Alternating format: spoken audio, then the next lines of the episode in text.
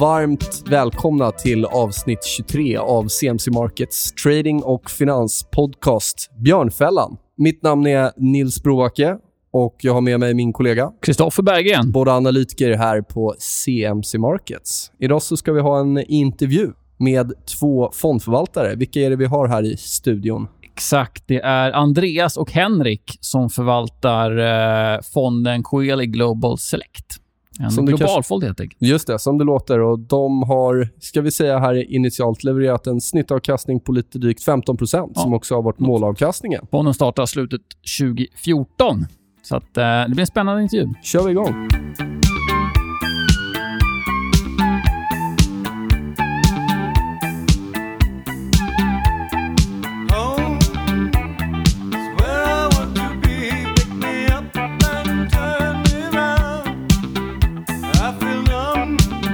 Var det dags då att dra igång den här intervjun. Eh, vi har som sagt med oss Andreas och Henrik från Coeli. Eh, vi börjar med en traditionsenlig fråga här. Om ni kan börja berätta lite om er bakgrund.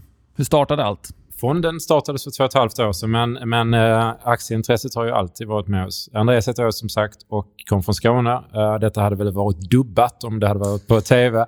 Så jag får ursäkta min skånska eh, dialekt där. Äh, jag själv eh, har investerat, hållit på med aktier professionellt i tio år.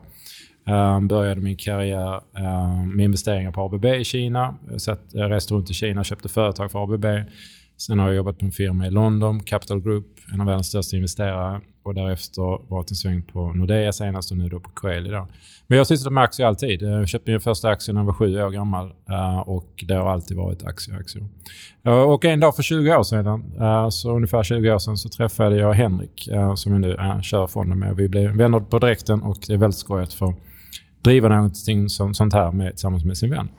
Ja, jag heter ju Henrik och eh, har en bakgrund från eh, att jag jobbat i flygvapnet, eh, jobbat på ABB, så det har vi gemensamt, Andreas och jag.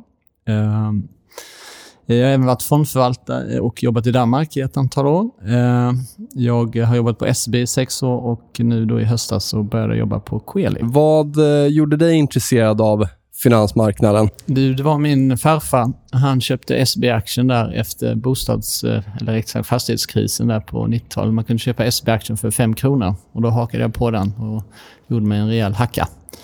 Och sen så eh, har aktieintresset alltid funnits hos mig, eh, men det var faktiskt när jag läste en, Lund, eller en kurs på Lunds universitet på C-nivå som heter finansiering med Tor Eriksson och då kom intresset direkt och då var det här jag skulle göra. Och då beslutade jag att inte gå tillbaka till ABB, utan då var det finansbranschen som gällde.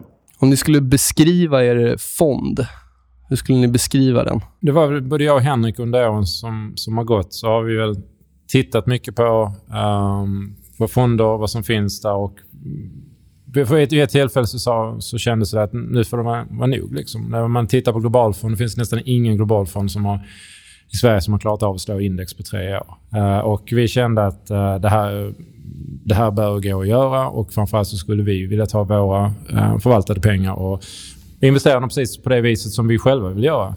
Så den här fonden som vi har skapat, ehm, det är ju 30 företag. Ehm, företag som vi har regelbunden kontakt med och träffar. Bara precis innan vi kom hit här så träffade vi ett av dem, eh, ett polskt företag. Och vi har fyra konferenssamtal den här veckan med en massa andra bolag. Så vi, där är de bolag som vi vill äga som är över lång tid. Eh, fantastiska företag och eh, vi väljer ut bara det som vi själva verkligen tror på och känner att vi kan. Sen eh, har vi ju vänt på det här med, med globalfond. Vi, vi köper ingenting i Ryssland. Eh, jag har ju träffat ryska oligarker och, och jag känner mig ganska obekväm med att investera i Ryssland. Vi har ingenting i Japan. Måste väl vara den enda globalfonden som finns eh, i den här delen av världen som inte har någonting i Japan. Men vi känner inte heller att vi riktigt förstår eh, den, eh, de, de bolagen. Eh, kanske vi gör en dag, men inte, inte just här och nu. Så det, är- vår fond är ju en, en koncentrerad globalfond och vi har ett mål. Det är att den ska tjäna väldigt mycket pengar för våra andelsägare. Eh, vi har ju vår- vårt eget kapital investerat men det är också alla våra släktingar och vänner och till och med min, eh, liksom familjemedlemmar investerade. Så vår fond är, vi tror och anser att den är väldigt unik. Det finns ingen sån här globalfond som bara är eh, fokuserad på att tjäna pengar utan många andra verkar vilja sprida alla risker i alla branscher, alla länder och eh, vi tycker inte det är... Vår tanke var alltid att man kan göra detta bättre.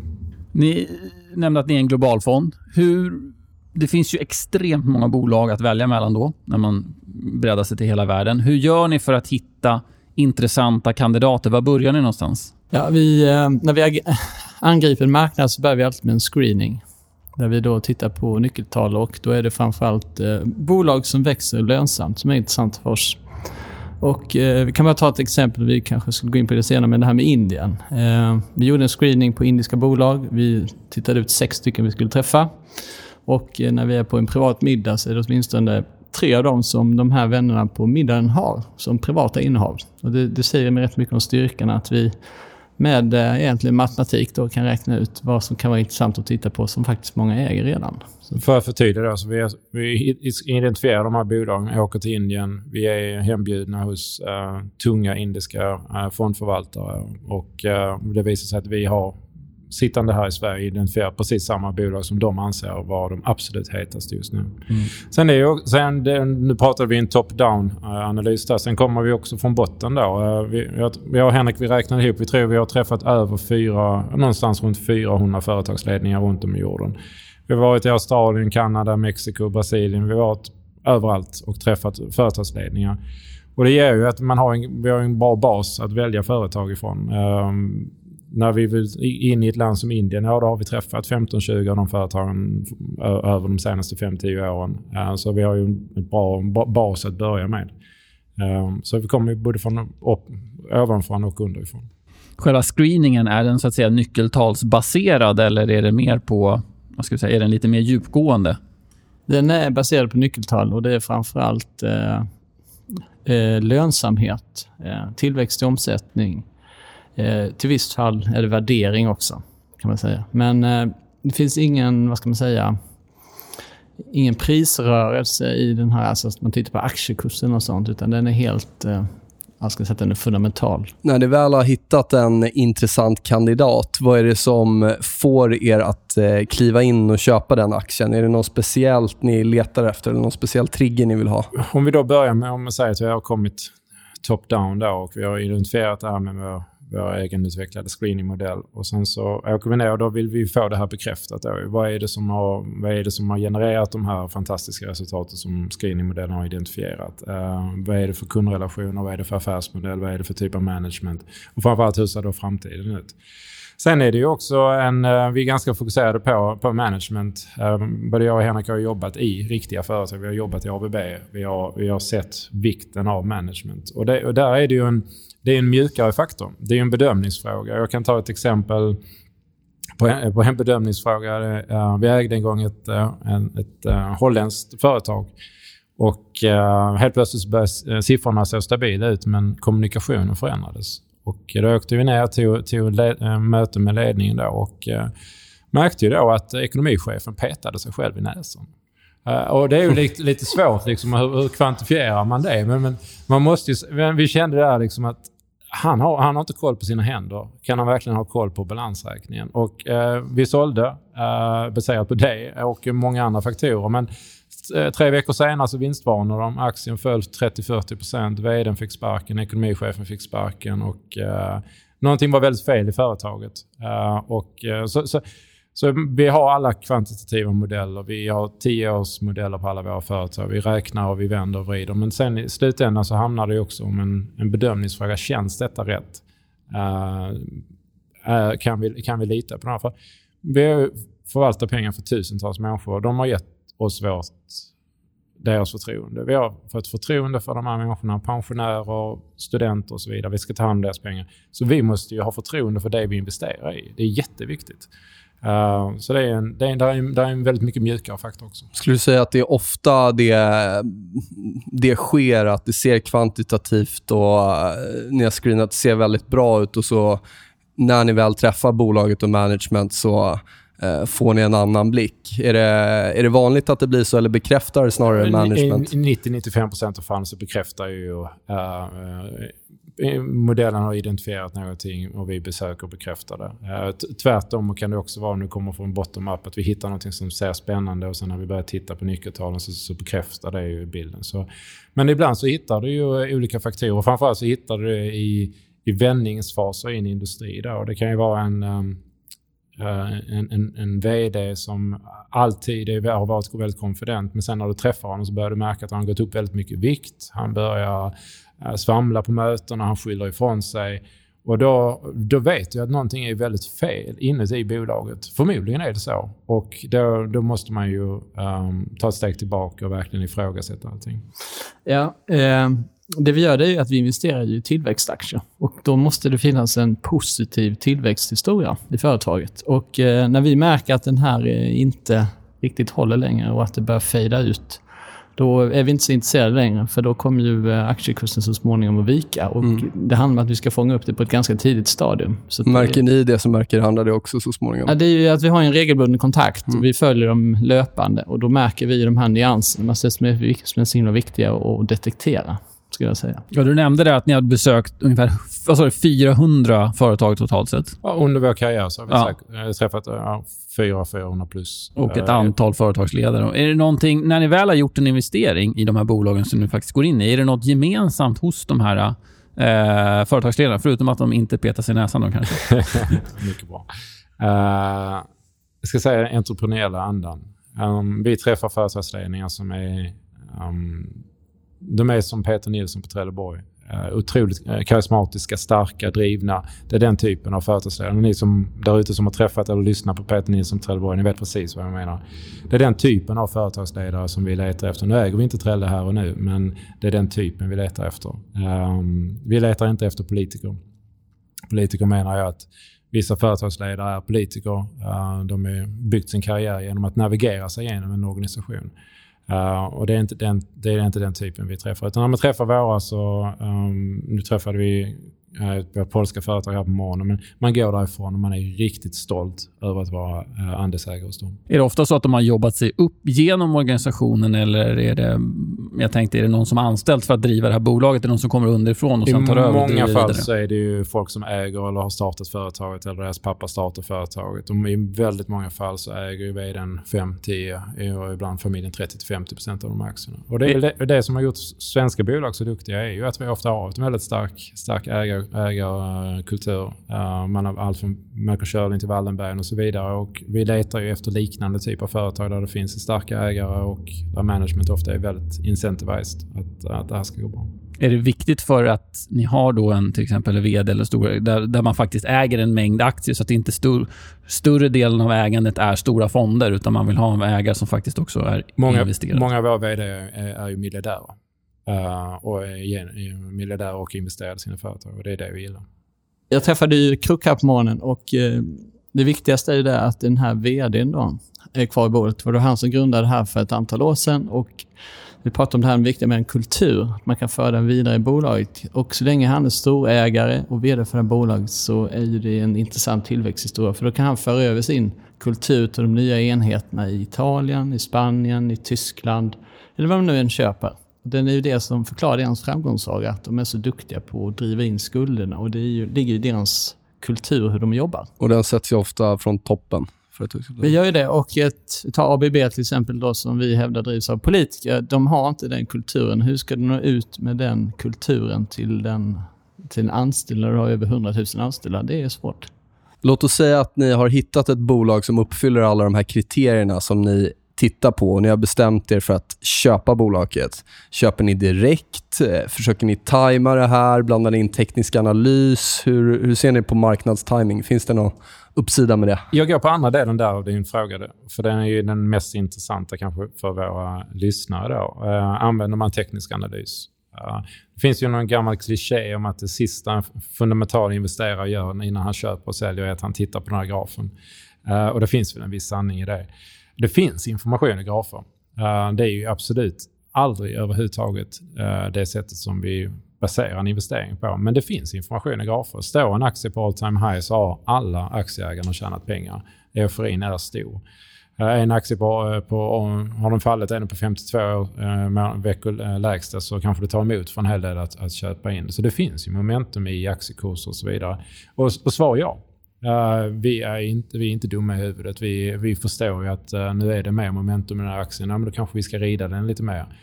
Och framförallt också tvärtom då att gå helt contrarian. Att, uh, vi har haft här nu de senaste veckorna så har en del av vår portfölj har varit inte önskvärda marknaden. Och vi har bara köpt och köpt och köpt och köpt. Och här nu på morgonen så vänder det.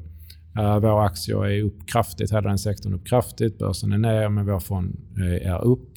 Eh, så vi använder ju också det. Så jag ska inte bara säga att det är teknisk analys, utan även eh, sentiment. Det ser du såklart i kurserna, men du ser det också det i nyhetsflödet. Så ja, eh, det är, det är, man kan tjäna lite extra pengar på det. Som jag förstår det rätt så är det ju faktiskt både entry och exit som ni applicerade. Absolut, visst kan man göra det.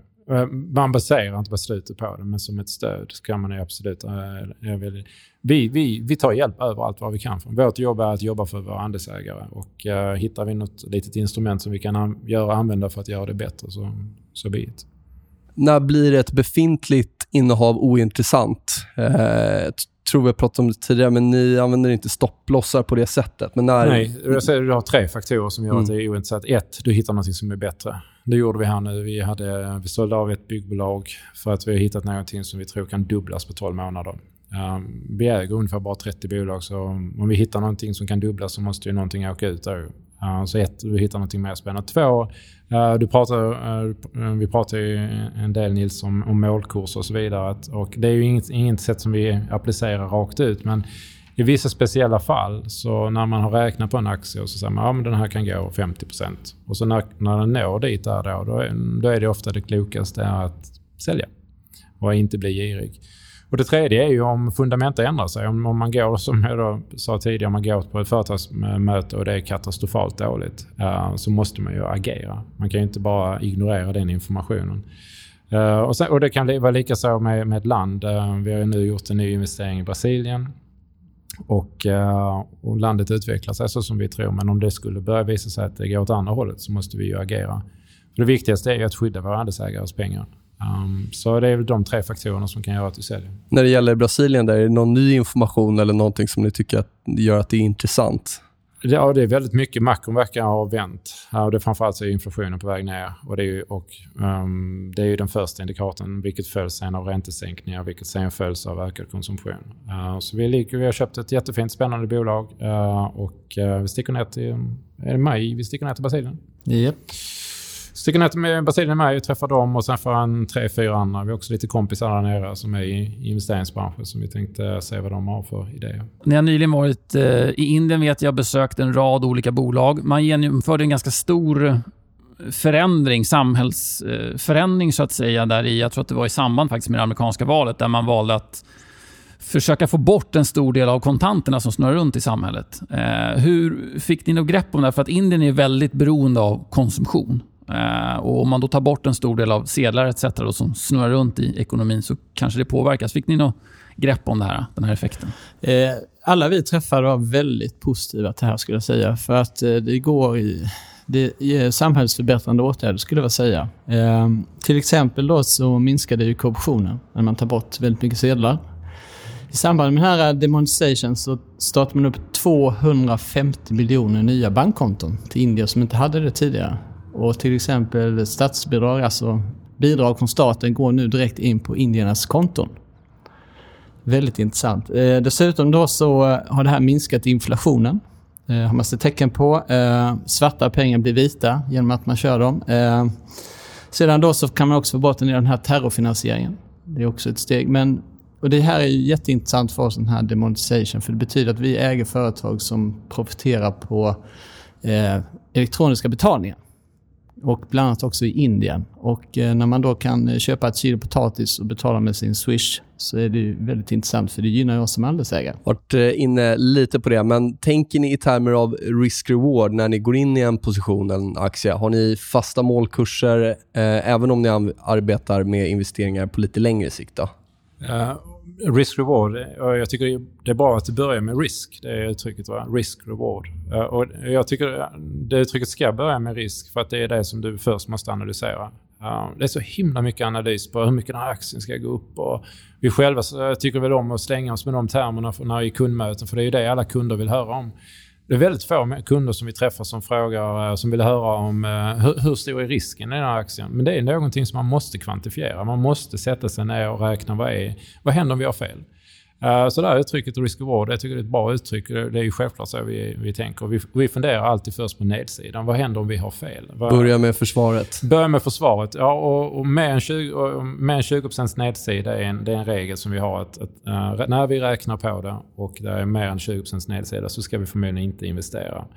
Eh, och, du, och du letar ju då efter en, en, en optimal ehm, Eh, mix av det. Nu har vi ett nytt företag som vi funderar på. Vi tror nedsidan är 10 men vi tror uppsidan är 200 på de närmaste tre åren.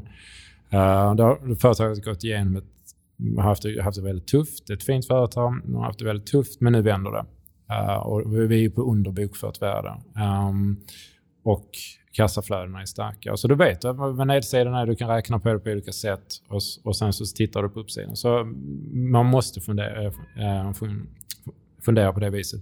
Så det är väl någonting jag skulle säga till våra lyssnare där ute att när ni träffar fondförvaltare och de pratar om uppsidan så ber de förklara lite grann om nedsidan och um, se till, se, kolla då så att de verkligen har koll på de siffrorna. För det är jätteviktigt. Du pratar om det här med nedsidan, att den är viktig. När ni gör en beräkning på bolaget, om vi säger att de har växt med eh, 20 säger vi, historiskt. Räknar ni som att de skulle då framgent växa 5% eller 10% och ändå kommer ni då fram till att det är en intressant investering? Förstår du vad jag vill Precis, du har helt rätt.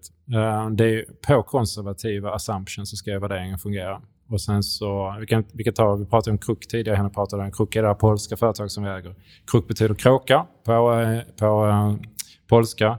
Eh, De har också sagt att de kommer ändra sitt varumärke ifall de går in i England för där kommer inte Crook att fungera som varumärke. Eh, hur som helst, eh, det här är ett företag som, vi kan ta förra året som exempel. Vi träffade dem förra året och de berättade för oss och för alla att det här året blir sisådär. Vinsten kom in med plus 20 procent det här året och det var ett sisådär år för dem. Marknaden tro, och vi trodde inte att det skulle bli så mycket förra året men eh, där ser man på. Och det är den här konservativa vi gillar. Nu har de guidat för 15 procent plus och förmodligen så blir det mycket mer. Um, så det, ja, så absolut. Du, eh, aktierna måste fungera även med konservativa eh, åtaganden. Ni har varit i branschen ett tag. Eh, är det någon incident eller någon händelse som, som har gjort er till en bättre investerare? Det var framförallt under finanskrisen skulle jag vilja säga. 2008 och 2009. Och, eh, det jag tycker är det viktigaste är, det är den här eh, mänskliga kraften att man vill återgå till det normala. För att eh, det där tycks inte aktiemarknaden tro alltid att saker och ting kan normaliseras. Och det tycker jag var en av de stora sakerna då. Att investera i bra företag som vars produkt kommer finnas i framtiden. Och sen så sitt lugnt i båtet och köp istället för att sälja helt enkelt. Jag instämmer där. Det, det, det var en otroligt bra period. Jag Henrik och jag vi har gått igenom två sådana. Vi, vi var med i IT IT-boomen också och, och även nu då 2008. Och det man, det man, det man lär sig båda två är ju att siffrorna är viktiga. Ehm, du såg ju 2008 att eh, det var på väg neråt. Du såg det i många länder, du såg det i många industrier. Men ändå så i media och, och så var allting underbart. Ehm, men att, att lita på siffrorna, att lita på ehm, den ekonomiska effekten av, av om bostadsmarknaden i USA går åt skogen så går det inte bra i, i Sverige. Det är bara så. Um, så um, det är någonting jag har lärt mig väldigt mycket av. Att, att, ja, man har alla de här företagsmöten och så vidare men man måste också lägga in det kvantitativa och titta på siffrorna och när, um, när det börjar vika neråt. Vi kan ta konsumentförtroendet. När, jag menar, i mitten, långt innan Lehman så var ju konsumentförtroendet pekade rakt ner i USA. Och det har ju pekat rakt ner i sex månader. Men trots det så, så stod företagen, eh, jag minns i London så stod de i juli, augusti, jag var på en konferens och sa att allting var hur bra som helst. Med konsumentförtroendet i världens största ekonomi gick rakt ner i källaren. Så man måste lita på de här, eh, lita på att eh, mönstren upprepas på både ned och uppsidan som Henrik Mm. Svårigheten blir väl när det kraschar, så kraschar ju även vinster, eh, tillväxt och så vidare. Och Då handlar det väl om att man måste våga tro på att bolaget kan komma tillbaka till det normala. Det är väl det som ofta är det svåra för en investerare, att våga tro på det på lång sikt, trots att siffrorna viker. Eh, ja, exakt. Och det är ju det som är det, ja, det fina. Det är att vi hittar företag med väldigt fina affärsmodeller och dessutom som har en väldigt låg skuldsättning, vilket innebär att våra företag kommer att klara sig. Och eh, man kunde köpa väldigt, väldigt många fina bolag som, ja, till, till väldigt, väldigt billiga priser. Det var ju... Man kunde ju köpa Handelsbanken bara på direktavkastning till exempel. Va? Och det säger ju ganska mycket om en bank som har funnits sedan 1800-talet. Den kommer inte gå upp. Och sen också det här, vi, vi, har, vi behöver äga 30 aktier. Och det finns alltid aktier som går upp. Även 2008 så gick vissa aktier upp. Jag ägde en, en aktie i UK, Delarue. Uh, jag tjänade pengar på den. Den gick upp 2008. Jag tror jag gjorde 10 eller 15 procent på den. Marknaden var väl ner 40 eller 50. Men den gick upp den också för att vinsterna ökade i företaget. Eh, det var väl en av eh, 4 000 aktier och sånt där. Det var väl 10 aktier som gick upp det året. Men det går att hitta dem. Uh, McDonalds gick uh, fantastiskt un, under, under delar av den här perioden. Så är man stockpicker, vilket är det vi är, så finns det alltid möjligheter. Så, vilket också betyder att vi kan inte sitta och skylla på marknaden. Jag och henne kan inte sitta och säga att ah, det är en dålig marknad nu, den går lite sidledes och fonden går inte upp. Det är bara bullshit. Vårt jobb är att hitta aktier som går upp. Oavsett, oavsett makroförhållande, oavsett om gälden höjer eller sänker räntan eller vad som händer. Och det är vårt jobb. Ute och hitta spännande eh, företag. Skulle ni säga att ni agerar olika i drawdown eller om eh, fondutvecklingen står på all time high? Och, eh, kan ni säga att det påverkar er psykologiskt på något sätt? Eh, vi gör så här, vi har en filosofi. Varje dag köper vi om vår portfölj. Eh, vi, vi har både veckomöten och månadsmöten, men varenda, varenda dag pratar jag och Henrik om portföljen. Varenda dag måste vi gå in och köpa om portföljen i vår huvud. Vi får, vi får inflöde varje dag, så vi måste ut och köpa aktier varje dag. Och, uh, oavsett, och är det någonting som vi inte vill köpa då för att det är för dyrt, ja, då behöver, ni inte, behöver, ska vi nog inte äga det alls. Så nej, eh, det är, inga, eh, det är inte två faktorer som är sådär, eh, vi påverkar på. Sen då, då, din fråga, man kan också ställa din fråga så här, våra investerare, tar de ut pengar? Uh, För det är ju ganska vanligt. Uh, investerare tenderar ju, i alla fall i många strategier, att plocka ut pengarna i djupaste drawdown och investera i högsta all time high. Och vi har, vi har motsatt uh, um, agerande från våra investerare. Vi, när det går dåligt, när, när kurserna faller, så är det viktigt att, att öka sin kommunikation. Det, det, det, är inte då det ska vara tyst som fondförvaltare. Du ska du prata med våra kunder. Och kanske är det det, eller är det kanske bara att vi har rätt typ av investerare. Men vi får inflöden när vi har haft, när vi haft uh, tunga perioder och börsen går tungt. För att folk litar på oss, vi litar på våra företag. Det är det här med förtroendet igen. Uh, och att vi litar på att, deras, uh, att de fixar så att vinsterna växer. Så att uh, nej, vi, vi, vi har faktiskt, uh, peppa peppa ta ett trä, hittills får vi pengar alltså, i inflöden. Har det att göra med att ni har största delen institutionellt kapital eller även retail nej. som är utbildade på det nej, sättet? Får man säga? Brett. Mm. brett. Jag, jag, tror att det, det vi har ju, jag har ju bott utomlands i tio år och jag tycker det finns en ganska unik aktieägarkultur i Sverige. Det är inte bara um, bara min familj eller eh, andra som jobbar inom finansbranschen som handlar aktier. Utan det är jättemycket folk som handlar aktier i Sverige. Och erfarenhet har ju visat sig att när det har gått svagt på börsen så är det ofta väldigt bra läge att gå in. Så jag tror vi har, vi har en, eh, en fördel, jag och Henrik, att, att bara ha en stor svensk aktieägarbas som beter sig rationellt. Um, så ja, vi är väldigt tacksamma för det. Det finns ju en mängd olika fonder där ute eh, och många brottas ju med hur ska jag välja en bra fond. Eh, finns det några parametrar som ni tycker man ska gå på? Det finns ju Sharp och så vidare. och så vidare. Men vad, vad känner ni är det optimala? Jag skulle framförallt vilja prata om de mjuka faktorerna. Och eh, kanske det, det, du kan titta på är historisk avkastning mot ett index. Det säger mycket. Men däremot så, så tycker jag man ska titta på de mjuka faktorerna. Eh, som till exempel eh, om fondförvaltaren är fokuserad, jobbar han med bara denna fonden eller har han massa andra uppdrag också? Eh, hur ser portföljen ut? Är det en conviction-portfölj med få innehav där han tar ordentliga bets på det han tror på? En annan väldigt viktig sak det är incitamentet. Då. Eh, en fråga som jag alltid ställde till eh, mina förvaltare var, har du egna pengar i fonden? Det var en. Sen så eh, var det också bra om de kunde vara ägare i företaget. Eh, otroligt viktigt. Eh, sen också det här med bevisad historik har han faktiskt levererat. Eh, och, igen. och sen så, så var det så att jag försökte se igenom den här personen som var duktig på att snacka utan försökte se om, alltså på personen och hans egenskap, om han var en duktig person eller inte. Och Det är också viktigt. Va? man ska inte bara lyssna till det som sägs, utan man måste faktiskt försöka fundera lite kring ja, vad har han för incitament? Hur väljer han aktier? Och jag föredrar ju det här med bottom-up då, framförallt att man satsar på företag vars vinst växer till exempel. Och det vi ska säga är att till er som tittar på andra fonder och utvärderar fonder är att eh, öppna upp, försök få, få tag på innehavslistan. Går man in på PPM så kan man i alla fall få se de topp 10 namnen på en fond. Eh, och i, i andra rapporter ska ni få fram alla namn. Och så titta på de här bolagen så tänkte vill, vill ni äga de här? Vill ni vara associerade med de här? Vi har företag som Nike, vi har företag som 3M i vår eh, fond. Fantastiska företag, eh, otroligt starka balansräkningar. Nike har nettokassa.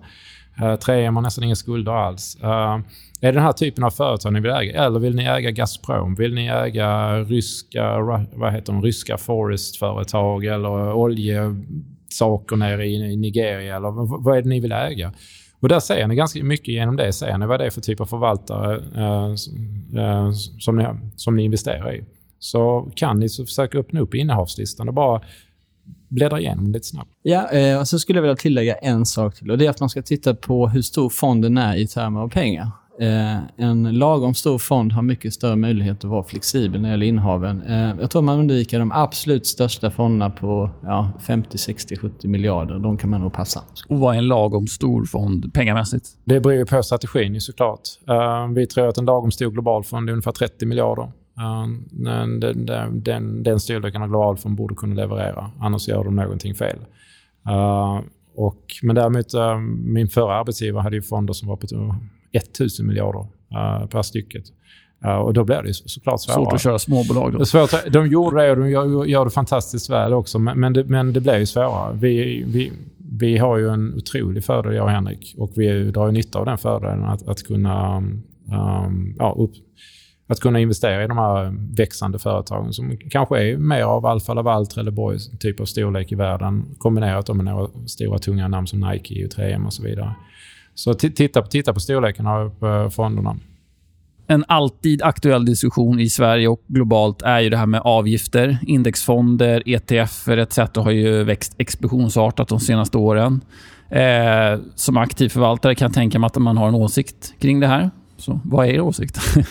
Eh, åsikten är den att man ska betala för en bra produkt. Och eh, om man eh, kan leverera en bra avkastning över tiden så är det ju värt pengarna, skulle jag säga. Om vi kan leverera någonstans på 13% vinsttillväxt i vår portfölj underliggande, då kan vi ta betalt också. Eh, om man jämför med index så ligger det kanske på hälften i vinsttillväxt. Och då får man ska köpa det då så kallat gratis, alltså till låga avgifter. Då investerar jag hellre i någonting som växer och betalar lite för det. Om vi tittar på framtiden då, någon eh, marknad som är extra het eller något som man ska undvika? Ni har varit lite inne på Brasilien och Indien där. Något annat ni vill tillägga? Indien tycker vi är jättespännande. Ehm, det står ju nu i svensk media att Indien går jättebra, men när vi var nere i Indien så de beskrev de senaste tre åren som riktigt jobbiga. Ehm, så i Indien så är i alla fall uppfattningen att det är först nu det verkligen tar fart. Brasilien eh, hade vi ett, ett riktigt rally förra året, men det var mycket valutabaserat också. Ehm, och vi tror att en bredare ekonomisk återhämtning kommer här nu. Sen är det så om, om du tittar på längre tid. Min professor vid London Business School, eller Dimson, han har gjort fantastisk research. Och, och den visar ju att länder som USA, Tyskland, eh, Sverige, Australien, Kanada eh, och framförallt då Australien, Sverige, Kanada och USA har ju gått väldigt starkt över eh, fem, eh, de senaste 50 till 100 åren. Så att det, och där, där kommer vi tillbaka igen till de här mjuka faktorerna. Att, att för en långsiktig investerare, vilket är det jag och Henrik är, så är ju kultur väldigt viktigt. Vi vill ju hitta företag som jobbar för aktieägarna. Vi behöver bara åka, mm, åka lite österut så hamnar vi, mm, kan vi hitta massor med företag och de, de är fina men de jobbar inte för aktieägarna. Vi kan åka ner till Italien och uh, ja, vid ett tillfälle så har jag träffat italiensk maffia och de, jobb- det företaget jobbar absolut inte för aktieägarna. Utan det- företag jobbar, finns för, av många olika anledningar och vi försöker hela tiden se till att våra, aktie, våra företag jobbar för, för oss. Och för det så är ju USA ett fantastiskt ställe att investera i. Um, det finns vissa andra globalfonder som inte gillar USA och jag förstår ingenting av det. Här har vi ett land som är kanske världens mest dynamiska och framgångsrika ekonomi någonsin. Och du har otroligt fina företag där borta. Så vi har ju nästan halva vår fond i USA. Eh, och eh, vi har väldigt mycket sen i Tyskland, vi gillar Schweiz och så vidare. Och det är ju för att kulturen i de länderna och kulturen i de företagen är, passar vår- våra andelsägare. Och där blir det väl också antagligen viktigt, eh, om vi tar banker som exempel. Man vill äga banker i USA men inte i Tyskland kanske, vet jag att du nämnde. Precis, Bank i Tyskland. Jag tror det finns 1000, över 1000 olika finansiella institutioner i, eh, i, i um, Tyskland. Uh, utan Tyskland är ett land som gillar konkurrens och framförallt inom banksektorn har konkurrensen varit brutal. Um, så därmed ska jag säga, där vi gill, verkligen gillar banker är ju utvecklingsländerna. Och uh, det är ju framförallt det vi träffade i Indien. Vi tycker det är väldigt spännande, ja, väldigt spännande business där. Har ni några förebilder eller investerare som ni ser upp till eller har sett upp till som ni har? Eh, jag tänkte att Andreas skulle börja svara på den här frågan. Ja, eh, jag ser faktiskt lite grann upp till dig, Henrik. Eh, du är väldigt lugn och metodisk. Men om jag tar lite mer... Ni vill säkert att jag ska säga, prata om Warren Buffett. Och, Nej, det behöver du inte göra. Nej, men jag har faktiskt mina, mina hjältar. ehm, förutom eh, i min direkta närhet här så eh, finns mina hjältar i London på min förra, förra arbetsgivare. Där fanns det förvaltare som förvaltade otroligt, otroliga mängder pengar och eh, slog index år ut och år in ehm, på nivåer som, ehm, som slår, vida slår vad Warren Buffett och så vidare. Jag lärde mig väldigt mycket från dem. Uh, väldigt trevliga, generösa människor och jag har lärt mig väldigt mycket från, från, från det företaget. Sen, sen, är det ju, sen finns det alltid många olika sorters eh, investerare. Eh, jag tycker här i Sverige så tycker jag Aktiestinsen har vi har gjort det fantastiskt bra. Eh, verkligen lång, långsiktigt fokuserad och jag, jag älskar att läsa intervjuer med honom. Men det är ju någon som man verkligen också kan se upp till. Ja, ja, jag träffade en person som heter Graham French som jobbade på MNG. Han kanske jobbar kvar där fortfarande som globalfondsförvaltare. Och han var otroligt duktig just på trender. Eh, dessutom så förvaltar han pengar för mums and dads. Så det gillar jag det här eh, att ta hand om den lilla människan vars pensionen ska växa. Och, eh, och det är ju inte det... Vi gillar ju att ha trevliga och bra kunder. Det låter kanske lite förmätet men vi har nära kundkontakt med våra största kunder och vi tycker om att förvalta deras pengar och vi har en väldigt bra relation med dem. Så det är, det är en sak. Och sen så tycker jag då att Andreas är en väldigt duktig person. Ja, det ska vi inte säga.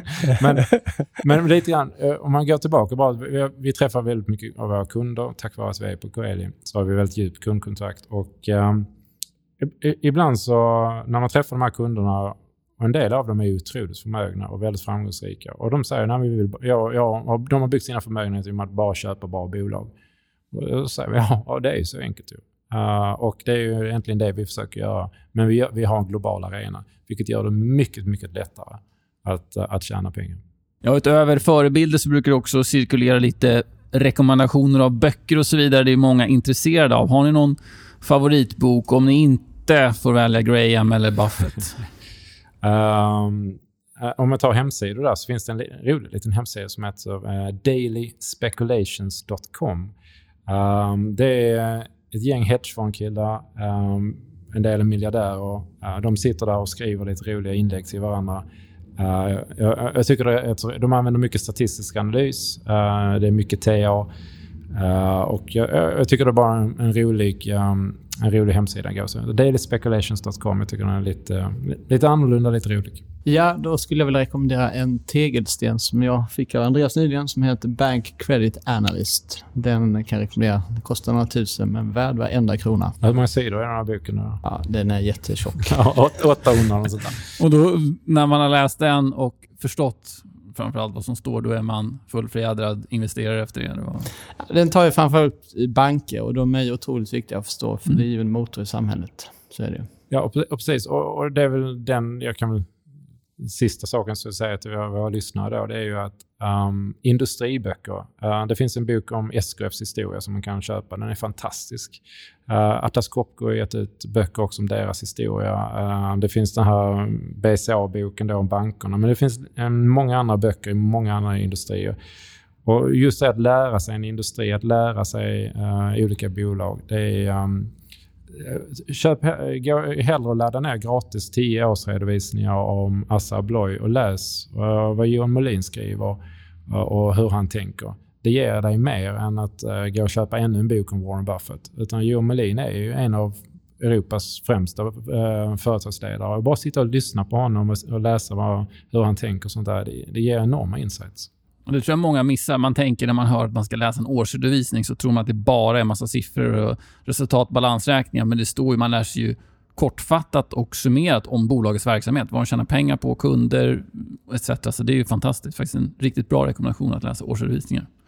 Kanske inte låter så exalterat, men det är exalterande. Det är skoj. Då får vi ge ett stort tack för idag. Kul att ni kunde komma och intressanta svar på frågorna. Tack för att, för att vi fick komma. Tack så mycket.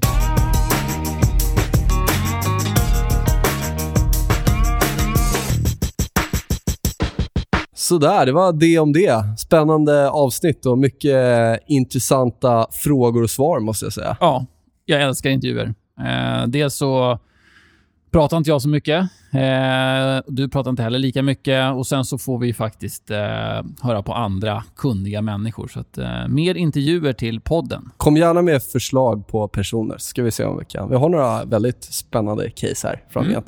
Absolut. Ja, var finns vi någonstans? Jo, vi finns på Soundcloud, iTunes och diverse podcastspelare. Idag är det måndag eh, och vi släpper det här avsnittet nu på fredag. Då. Mm. Den 24 tror jag att det är bestämt. Så har du några övriga frågor och funderingar? Hashtag björnfällan på Twitter, alternativ skicka ett mejl till kundservice.cmcmarkets.se. Ha det! Ha det! Like unique, still 16 and feeling horny. Point to the sky, feel free. See a people all equal, smiles in front and behind me. Swim in the deep blue sea, cornfields sway lazily. All smiles, all easy. Where you from, what's you on and what's your story? Mesmerizing tones, rising pianos, this is my zone, so stop cloning. Pick paper, scissors or stone. Cause me and you are the same. Known you all my life, I don't know your name. Her name's European Bob, sorted. Anyway, have a dance now, see you later. Pleased to meet you, likewise, a pleasure. We were just standing in our own home. We went on and on. You all smile, you all sing. We become heroes and the stars align. You all sing, you all sing, sing. We were just standing in our own home. We went on and on. You all smile, you all sing. We become heroes the stars align. All sing, you all sing, sing. The night slowly fades and goes slow motion. All the commotion becomes floating emotions. Same piano loops over. Arms wave, eyes roll back, and jaws fall open. Seeing soft focus. Chatting to this bloke in the toilets.